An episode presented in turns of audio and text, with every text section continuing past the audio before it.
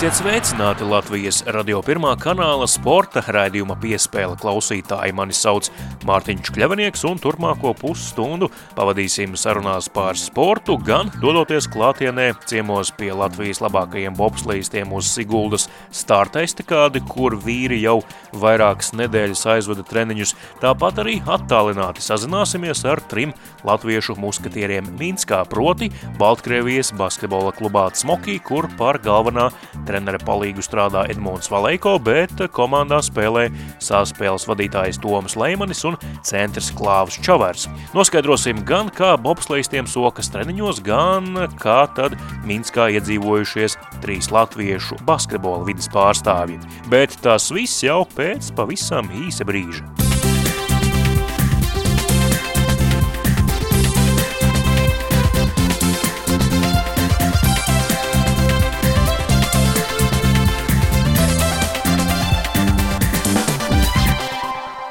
Jūs klausāties Latvijas radio pirmā kanāla sporta raidījumu piespēle studijā Mārtiņš Kļavanieks un uh, tagad lecam transportā un dodamies uz Siguldu, kur Siguldas starta estakādē visu šo nedēļu sparīgus treniņus katru otro dienu aizvada pašmāju bobsleja izlase. Pirmdien, trešdien un piekdien notika treniņi starta estakādē, savukārt otrdien un ceturtdien tika strādāts pie fiziskās sagatavotības.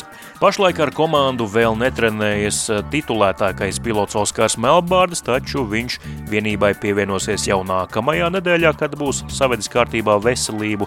Savukārt 19 eh, vīri, kuri šobrīd trenējas ar komandu, ir pilnā gatavībā uzsākt sezonu, arī trīs pavisam jauni censoņi, kuri pirmo reizi uz starta estakādes malas kāpa tikai šo pirmdienu. Jūsu uzmanībai saruna ar vienu no pieredzējušākajiem pašmāju bobsleja izlases stūmējiem Matīsu Mikni par to, kā rīt treniņi, bet pēc tam parunāsim arī ar vienu no debitantiem, ar no judo pārnākušo Dāvi Dūdu. Laikam jau kārtējais estikādas treniņš aizvadīts, tas tāds ierasts ritms katru sezonu. Palielam, jā, tikai nedaudz treneru pamaina to grafiku, citreiz vairāk, citreiz mazāk, bet, nu, protams, jā. Tas ir viena no Siguldas nometnes sastāvdaļām. Cik jums vispār tāds brīvdienas sanāca pēc sezonas? Cik atpūtāties, nu tā vispār neko nedarot? Mums tas atvaļinājums ilgs gan iz trīs mēnešus. Tas jau kā uz kur pašu sirdsapziņas, kurš, kurš mājās galīgi neko nedara, bet nu, pārsvarā jau viss jau kaut ko bija šī priekš sevis tā, lai galīgi neatlaižās, jau, jau padarbojās. Bet nu, tas atvaļinājums diezgan, diezgan šogad bija tāds pietiekami ilgs. Jā. Kā bija tieši šodien, cik tas viss bija grūti vai negrūti? Nu, jūs tur pieredzējuši izskatījāties, ka nu, tās kamanas ceļas no ledus pavisam citādi nekā tiem pašiem debitantiem, protams, bet arī tiem, kur jau ir mazliet jau pastūmuši. Jums tas ir pavisam citādi.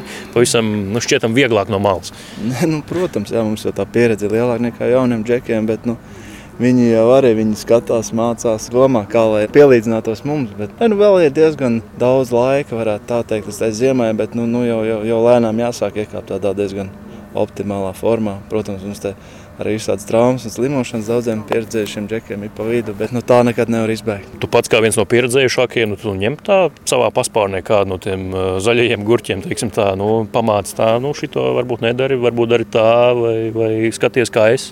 Protams, ja man kāds kā, prasa kādu padomu, es nu, nekad neatsaku. Bet, nu, jā, kad es redzu kaut ko tādu, kas nu, liekas, ka varbūt treneris neredz kaut ko tādu, nu, kas man ļoti krīt acīs, kā varbūt nevajadzētu, tad es arī pieejami pasaku. Bet nu, viņi jau paši, paši prasa. Paši domā, baigi svarīgi, ka pats esi interesēts. Nevis tikai, ka tev bezmazliet ieliks karot mutē. Ja, nu, Bobslēga vidi jau laikam tāda ir. Nu, ja, tu, ja tu nāks un ņemsi, tad būs. Ja tu būsi tāds gaidītājs, ka tev iedos, tad nekas nebūs. Tieši tā, te ir ļoti daudz pašam jāstrādā un pašam jāskatās un jāmeklē tas, jo man liekas, ka treneri var ielikt jā, to sākumu, bet tas ir ļoti nu, maz no tā visa, kas tev pašam jāatrod tās sajūtas ir viss, jo es atceros, kad es atnācu, bija tā, ka bija ļoti liela konkurence, tad nu, nebija tā, ka tev ba kāds baigi nāca un, un, un mācīja, kā, mm. kā varētu labāk, tev pašam reāli jāizsitās. Nu, tagad varbūt bija šī laika mainījušies vai kā, bet nu, te ir tā, viens ir tas, ko treneris saka, un otrs tas, kas tev pašam jāatrod tās sajūtas pareizās, kā pēc iespējas labāk rezultātu. Kā jums ar Covid? Tas ir saruna temats. Protams, ka ir tā sezona tādā nu, lielā neziņā. Mēs jau gatavojamies kā parasti. Mēs, man pagaidām man nekas nav mainījies manā dzīvē, dēļ tā, dēļ tā ka pasaule nedaudz paralizēta. Bet, nu, Tēst tu neiztaisīs? Nē, es personīgi neesmu, bet uh, viens no komandas mums taisīja, bija aizdevums, bet viņš nebija slims, tas augstējies. Bet, nu, jā, ir tāda un viss vēl tie noteikumi, kas nāks papildus tam mačos, ko lēnām mums sāk jau izklāstīt, kāds būs tas. Nu, tas tā nedaudz sarežģīja, varētu tā teikt, bet nu, tas mm. nav tikai mums pie tā jāpierod pie visām tām regulām un noteikumiem jauniem. Nu, Sāns bija ļoti politiski korekts runājot par pilotiem. Tu saproti, kāda tā situācija šobrīd ir. Tur es saprotu, ka lielais Oskars vēl kaut ko domā, ko un kā viņš vēlas darīt. Jūs jau gan jau, ka komandā vairāk neko arī nezināt. Es viņu vispār es neesmu saticis. Ja tieši par Melbārdu runājot, es viņu esmu saticis jau kopš vasaras jūnija. Jū, viņš bija jā, viena nometne, mums no tur neviens otru viņš aizbraucis. Nekādu ziņu no viņa neesmu vispār nesaņēmis, ne, neesmu redzējis. Mm. Nu, par pārējiem džekiem, protams, galvenais, lai vesels, lai ķibermans Oskars ir vesels un, protams, jaunie džeki viņiem liela konkurence. Redz, Oskaram Melbārdim bija tā kādreiz, ka viņš nu, līdz ar Jāņa Miņina tur inscenēšanos pārdomām par dzīvi iekāpa vienkārši no stūmē pozīcijas kamanās un redz, par ko kļuva. Jums tur pieredzējušajiem, nezinu, te var dāvi nav bijušas pārunas. Nu, varbūt, vajadzētu pie stūras pamēģināt. Nu, nezinu, vai tas būtu tagad tas īstais brīdis mums tomēr tā tie pieredzējušie džeki aizvien mazāk, paliek mums vairāk bez mazliet jauno īpatsvars palielinājis nekā ir mm. iepriekš. Un kāds vēl no tiem pieredzējušiem izdomāt mainīt savu tik eh, krasu, savu, savu profilu, mm. vai tas nāk pa labi, jo pilotam tomēr tas ir ceļš līdz tam pasaules kausa līmenim ir tomēr garāks.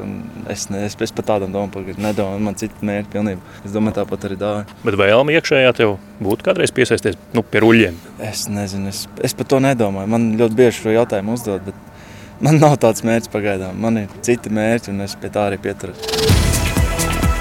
Mēs smagi strādājām. Mums bija viens mērķis, visiem viens kopējs. Esam pusceļā, vēl viens solīts palicis. Prieks, ka neslūdzām un noticējām sev, ka varam vinnēt. Esmu dāvis dūdu, no judo atnācu šeit, un, un tagad mēģinu sev pilnveidot rekordu. Es ievēroju, ka tev ir Latvijas vieglatlētikas izlases krekliņš uh, mugurā. Tas, tāpēc es domāju, ka tu no vieglatlētikas ir arī ar to kāda saistība. Ar vieglatlētiku gluži nē, bet uh, šī forma tika izdalīta militārajā olimpiādā. Mums ir līdzīgs vieglatlētiem, bet daži nianses atšķirās. Vuhaņā bija. Nu, kā tad var izdomāt? Nu, no judo tagad iešu uz bobsleju. Kāpēc tāds lēmums? Kāpēc vispār mēģināji? Lēmums, tāpēc, jo judo es nezinu, jau biju sevi, nezinu, varbūt sasniedzis savu kā, kulmināciju. Un es sapratu, esmu piesim tādā un tādā vietā, bet uz olimpiādu gluži vēl nepietiek. Un pat cik viņi nākamgad īsti nepaspētu, ir savs sarežģījums, bet pat to es nezinu.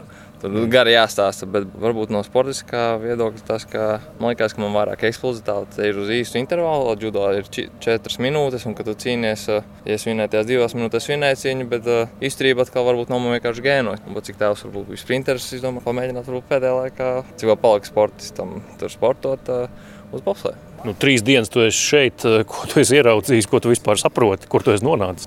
Es saprotu to, ka atnācu uz uh, intensīvu treniņu. Pirmā reize izbraucu pa estekādi. Pavisam noteikti ļoti interesanti. Puisši strādā, var redzēt, mm. priekšskaities un arī trenēties viņam. Judo iespējams tā vispēka rādītāja bija viena no labākajiem, varbūt grupā es tā pieņemu. Nu, šeit droši vien tu, tev konkurence ir pietiekami liela. Tā ir, jo vairāk, piemēram, viņi strādā katru dienu zālē, mums atkal zālē treneris lika, nu, mums miksējās zāle judo zāle. Judo varbūt nebija tik intensīva treniņa, līdz ar to, to arī sniegums nevarēja būt uz dzelžiem, uz fizisko tik stiprs. Mums bija vairāk arī atpūtas, bet, nu jā, mums vajadzēja vairāk arī judo. Ja. Piemēram, zāle bija 3%, un judo 70%, cik mēs nevaram judo, bet rekuposim citādāk. Tu tā ikdienā sezonas laikā esi bobslēji līdzjutējis līdz šim bijis vai, vai nesekoji līdz nemaz? Sekoju, tad, kad, piemēram, bija Olimpiāda lielāka turnīra, tā kaut ko sporta ziņās, ka izlasa, bet uh, radiniekos seko ļoti līdzi, bet es tā pavisam noteikti nebiju tāds nu, fanāts, ka visu laiku katrs sekot līdzi turnīram. Tagad būs jāsako laikam vairāk, lai, lai arī kāds būtu iznākums, paliks vai nepaliks. Pagaidām arī ko daru, vairāk saprotu, loģiski būs interesantāk iepriekš tā, nu, skatījos rezultātu un tik arī sapratu. Kā mainās vispār tas ķermeņa izjūta vai, vai izjūta par, par ķermeņa kontroli, kad tu nonāc uz ledus un tev jāstum tos kamanas. Cik viegli tev bija pierast vispār kā kontrolēt savu ķermeni tajā brīdī? Uz ledus īsti neteiktu, ka bija baigā problēma, jo cik Judo arī ļoti svarīgs līdzsvars. Citi varbūt domā, ka tas ir slīdens un ka nav stabilitāte. Tehnika, tehnika, tas man liekas mm. svarīgākais, par ko es tagad visvairāk uztraucos. Ko pavisam noteikti var pieslīpēt. Bet tā pats ledus man ne, neuztrauc. Mm. Tehnika, kā grūst šo kamaniņu. Tur Daumans jau te mācīja augšā aiztikādē sānis ar parādīšo to. Nu, nav ne pirmā, ne pēdējā reize, domāju, vēl pamācīšu. Jā. Bet tāpēc man noteikti jāpiestrādā. Ar kādām sajūtām varbūt gaidi to brīdi, kad tu pirmo reizi nobrauksi pa trasi ar, ar kamerām, ar uh, sajūsmu vai, vai varbūt tādām bailēm iekšā? Nē, augstums man neuztrauc un ātrums man patīk. Tāpēc mm. uh, vairāk ar sajūsmu pēc noteikti. Jā. Mm. Tādas lūka pieredzējušā stūmēja Matīsa Mikņa un arī pavisam jaunā censoņa Dāvja Dūdas domas par bobsleja izlases no jau aizvadītajiem treniņiem un vēl gaidāmo procesā. Bet, lai noskaidrotu, kas tad īsti ir plānā šai sezonai un vai vispār plāns kā tāds ir tapis, jo sezona pagaidām šķietami būs diezgan izmaiņām bagāta tieši Covid-19 pandēmijas dēļ, lai noskaidrotu plānus, sarunājos ar bobsleja izlases galveno treneri Sandi Prūsi. Cik vispār šobrīd trenējas? Nu, te ir dažādi. Dažiem ir traumas, daži ir individuāli, jā, bet 19 ir tevs vietas. Uh, Oskar Čibermanu šeit redzēju izējām no estikādas Oskara Melbārdes.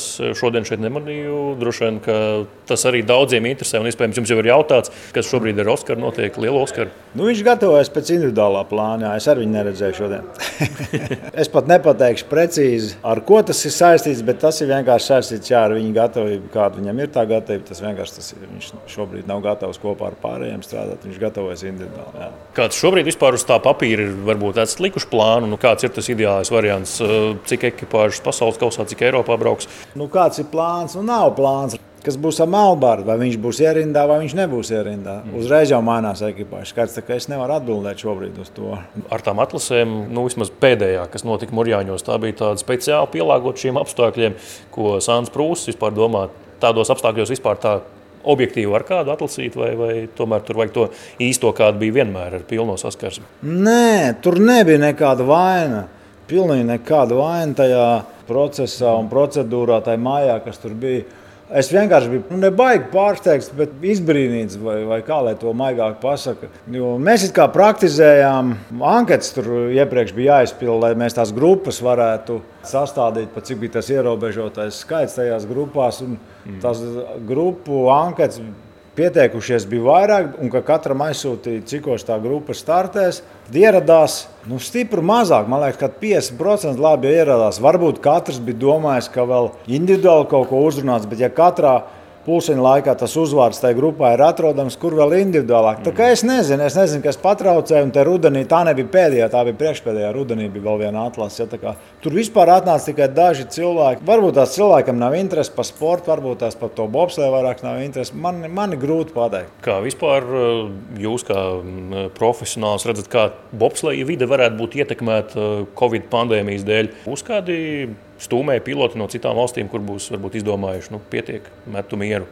Dēļ Covid? Jā. Nezinu. Es, nezinu. es neesmu kontaktējies par šo jautājumu. Nevienu. Es tikai zinu, ka ik pa laiku notiek izmaiņas starptautiskajā kalendārā, kas ir paši par sevi saprotams. Un, un nav jau neviens pateicis, kā tā sezona būs un cik tie mači beig beigās būs. Šobrīd tas plāns ir, bet līdz pirmiem mačiem vēl ir divi mēneši. Ja, kā, kur mēs bijām divi mēneši atpakaļ, mums tā situācija likās daudz optimistiskāka. Ja. Mm. Un diez vai Latvija paliks eh, brīnumu sala. Kad viss apkārt ir covid un uz mūsu salas nebūs, es, es tam neticu. Līdz ar to pārējās tās sekas arī sekos droši vien tam visam, diemžēl. Jā, nu, ja visā pasaulē ir plūdi pēdiņās, protams, tad diez vai Latvija protams, un Vatikāns tikai protams, paliks savs. Diez vai es arī tādu. Vatikāns var būt tās, jo kaut gan tur jau var uz tām baznīcām braukt cilvēki. Ja, tā kā, mm. Latvija, man liekas, tikai uz to izvēle, ka mēs esam tiešām maza valsts, zaļa valsts. Ja? Tas blīvums nav tik liels to iedzīvotāju, ka šajā gadījumā mums tiešām ir pluss. Jā, es tā domāju, bet varbūt es maldos. Kā jums ar testiem? Testējat, vai tas uh, katram brīvprātīgi, ja sajūtas slikti, tad varbūt kaut kur jāiet? Man pieredze nav nekāda. Teikšu godīgi, personīgi man nav tests uztaisīts, nav bijusi vajadzība. Un nē, es pat masku uzliku. Nezinu, kā tas ir staigāt un, un runāt un uzvesties ar to masku. Nē, mm. es esmu tāds saules, kā lai saka, augsts šobrīd. Nezinu, neesmu samaitāts vēl to. Tu pēc treniņa procesa skatos, ka principā jau viss norit tādā ikdienas gaitā arī šeit estakādē. Nu, nav tā, ka jūs bļaujat virsū puikām, tā ieturam distanci, neejam viens otram klāt. Nu, ko tu, ko, Sportā jau tā nevar. Ko tu te ieturēsi distanci, ja viņi pēc tam iekāp vienā mašīnā, aizbrauc, ja viņi pēc tam vienā mājā, tur visi dzīvo jau un, un dušās un virtuvēs, tur viss kopā saprot, tur jau vienkārši, ja būs, tad būs visiem tas pats, kas pie jebkuras kaut kādas parastās gripas vai pie, pie kaut kā cita. Jā, kā mm. būs, tā būs. Protams, ka uh, daudz uzmanīgāk esam tad, ja kādam kaut kāds kakls iesāpās, kaut kāds uh, temperatūra mazliet uzkāpa vai kaut kas tāds, vai tik nebūs covid, vai tik nebūs covid. Jā, gaidam to, gan jau viņš tas pirmais kaut kāda tu, tu, tu, atnāks arī līdz mums iespējams. Jā, tā kā mm. nezinu. Bet nē, mums ir runājot par to covid. Nav, šobrīd mēs tā dzīvojam, bet uh, sakarā ar maču sezonu mums ir tur vesels reglaments, veseli paragrāfi atnākuši, kas kā būs, kā būs jāievēro, kā tas viss notiks, kā tie testi būs ik pa kuru laiku. Cik ilgi laika jāsniedz un kurā vietā. Un tā būs vesela sarežģīta lieta. Jo es pat pieļauju, ka gan jau ka gadīsies arī kaut kādi kuriozi, ka kāds no kaut kurienes atbrauks vai kaut kas vēl tur būs. Un, viņš nevarēs piedalīties mačos. Kāpēc? Tāpēc, ka viņam derīguma termiņš testam beidzies mm. vai kaut kas tāds. Es pieļauju, ka tas tā būs, uh, ņemot visu to starptautisko federācijas uh, dalībnieku skaitu kopā. Ja, kā, bet nu, tāda ir dzīve šobrīd. Tas, ka sezona sāksies Siguldā, tas ir labākais iespējamais scenārijs Latvijas izlasē. Nē, es nedomāju, ka mums ir bijušas citas uh, sliktas sezonas, ja viņi sākušās kaut kur citur. Nē, nedomāju.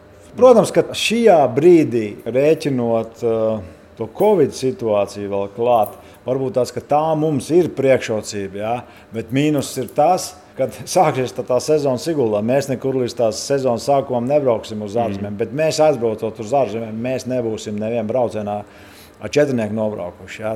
Tas mums ir, tādā ziņā mums tas ir mīnus, protams. Cik vispār tas uh, izjauc rītumu tā, ka ir nu, tikai divnieki, tad cik tur posmi pēc kārtas tikai ar četrniekiem, kā ir plānā, tas uh, cik ļoti raust uh, sportistu tādu rītumu. Pierasts, protams, divnieki, četrnieki, braucam tālāk. Tā ir. Es teiktu, tas, ka ir tikai divnieki, Tas nečakarē kopējo situāciju, bet tas, ka ir, kā tu teici, divu nedēļu četrnieki, tas īstenībā čakarē to situāciju. Jo skatoties, kā kura trase, bet divas nedēļas nobraukt ar četrnieku, tā, tā nav joka lieta. Ja, Ceļš tiem aizmugurējiem džekiem, kas tur sēž.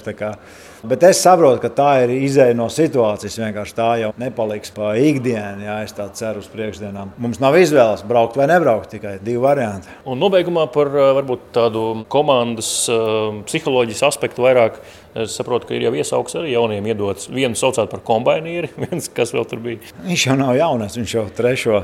Trešo vasaru. Nē, nu viņš ir eh, cepura nost, viņam ir saimniecība mājās, viņš ir, negrib apvainot, viņš ir zemnieks, ja viņam ir viņam jāstrādā. Ja, ja, ja cits var aizbraukt mājās, varbūt nedarīt neko, un ja domāt tieši otrādi, ko lai es daru, Tad viņam visu laiku ir saka, galva nodarbināta, ko viņš darīs mājās, kas viņam būs jādara, kas viņam būs jākuļ. Jā, jādomā pa, arī par tādām lietām. Ja? Nu, tas tāds varbūt nu, mans melnais humors. Vienkārši. Es negribu apvainot nevienu, bet nu, es ceru, ka viņi neapvainojās par to. Nu, nē, tas jau ir saku, tur komandas garu. Jā. Un, eh, no, vispār no kādiem sporta veidiem šeit ir saplūduši. Vienam bija geto games, krekliņš mugurā treniņa laikā. Geto games, es domāju, tur ir spēlējuši Jebkurš gandrīz no viņiem, varbūt ne visi simtprocentīgi, bet lielākā daļa, un pat vinējuši atsevišķus posmus, cik es zinu, un tos, arī tos čaļus viņi vinējuši, kas tagad ir labākie Latvijā. Jā, tas ir volejbols, ir basketbols, ir, ir vieglatlētika, ir tagad viens ir no tās judo, viņš ir, jā, mm. tā kā ir dažādi, ir dažādi. Nav tāds viens dominējošs kaut kāds sporta veids. Viņš bija tāds motivators, ka es arī gribu būt tur, kur ir viņš un darīt to, ko viņš dara. Visiem spēlētājiem mēs ticam, gaidām, un, un vēl nekas nav beidzies. Vismaz viena spēle mums noteikti. Jā.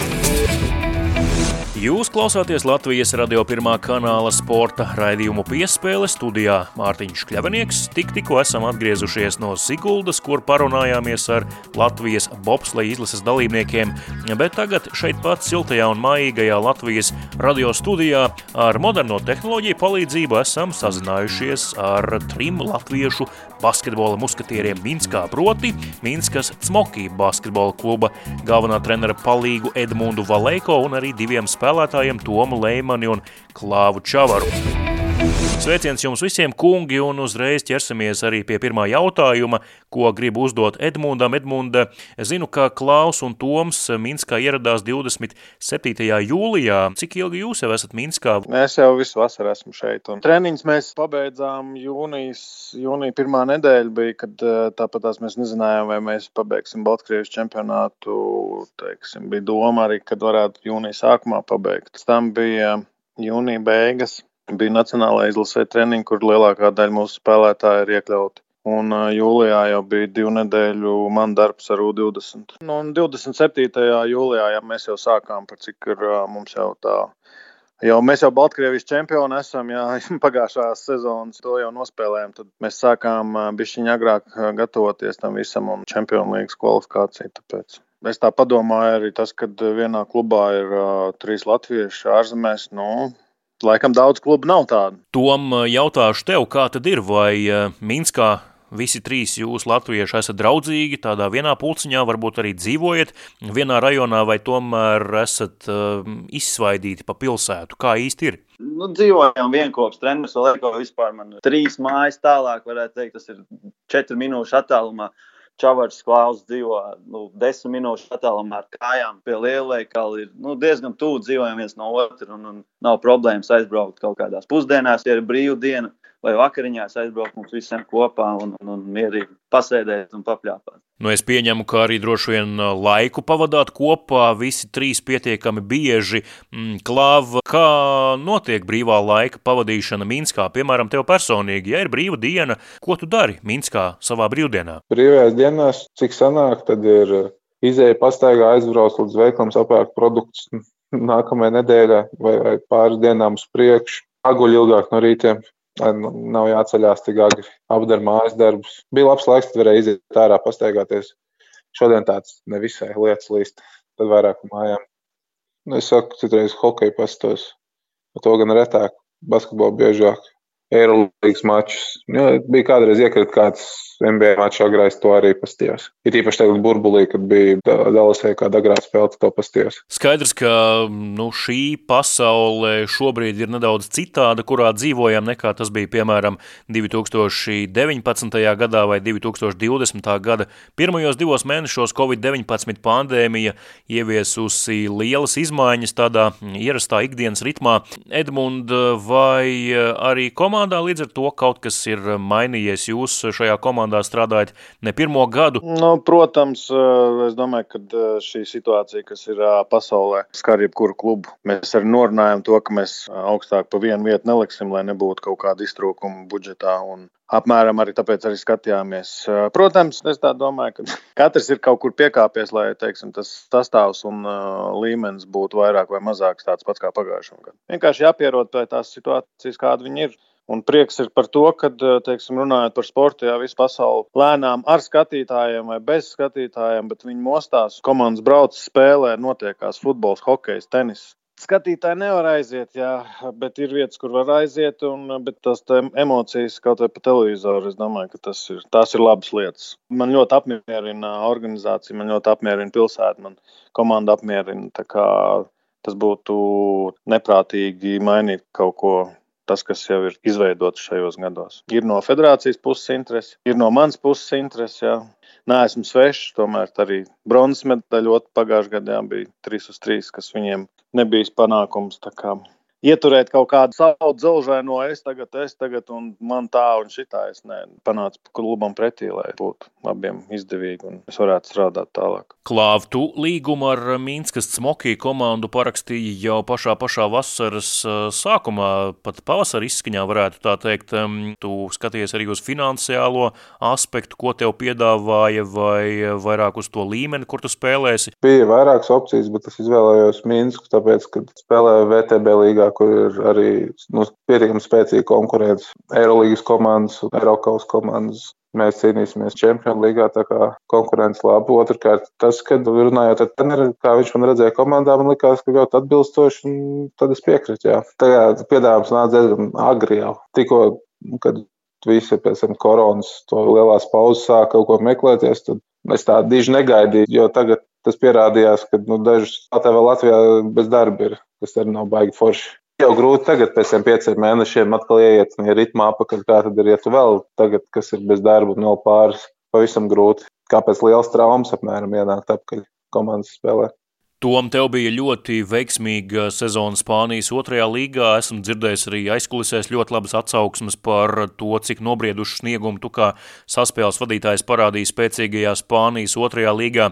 Vai tomēr tas ceļš, ko tu jau biji iestaigājis savās leģionāra gaitās, Grieķijas otrā līga, Spānijas otrā līga, vai nebija tomēr domas par uh, turpināšanu spēlēt šajā te Rietuma Eiropas pusē? Vēl arī varbūt pastāsti, kāpēc vispār tu nolēmi nolēmi doties uz Grieķijas otro līgu. Tas arī tāds pirmais eh, leģionāra solis, diezgan neierasts. Patiesībā, jā, nu piekrīt, ka tā sezona bija labi. Tomēr čempionu titulu izcīnīšana Spānijas otrajā divīzijā arī ir augsts sasniegums, es to uzskatu. Un, un, bet uh, tur bija, es neteikšu, ka problēma bija vairāk neziņa, kas un kā būs ar to komandu. Vai viņi spēlēs eh, nākamgad ATB līgā, vai viņi paliks otrajā divīzijā. Viņi paši nezināja, kāds viņiem būs finanses, jo tagad ir viņi noslēguši līgumu ar futbola komandu, un viņas nezināšana no tās puses man nu, piedāvājums no Mīnskas man vienkārši lika saprast to, ka man tas piedāvājums ir un noslēgs, lai es zinātu, kur es atradīšos šo sezonu. Un, un, un,